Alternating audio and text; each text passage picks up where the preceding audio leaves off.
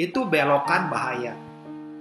Itu sama seperti si hamba 10 ribu talenta yang hutangnya disobek, tidak ada lagi catatannya, tidak ada lagi surat hutangnya, hutangnya dihapuskan, tetapi kepada orang lain dia menuntut bayar hutang. Itu yang terjadi. Lalu kita lihat poin yang ketiga, ayat 32. Raja itu menyuruh memanggil orang itu dan berkata kepadanya, Hai hamba yang jahat, seluruh hutangmu telah kuhapuskan karena engkau memohonkannya kepadaku.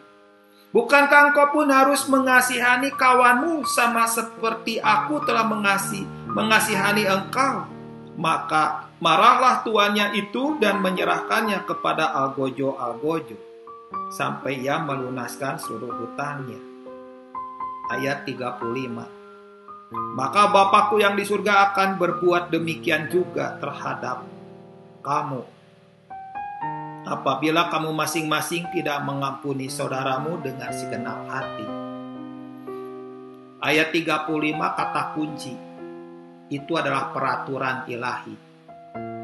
Apa yang kamu lakukan ketika kamu menerima kasih karunia peraturan ilahinya adalah kamu harus berbelas kasihan kepada orang lain.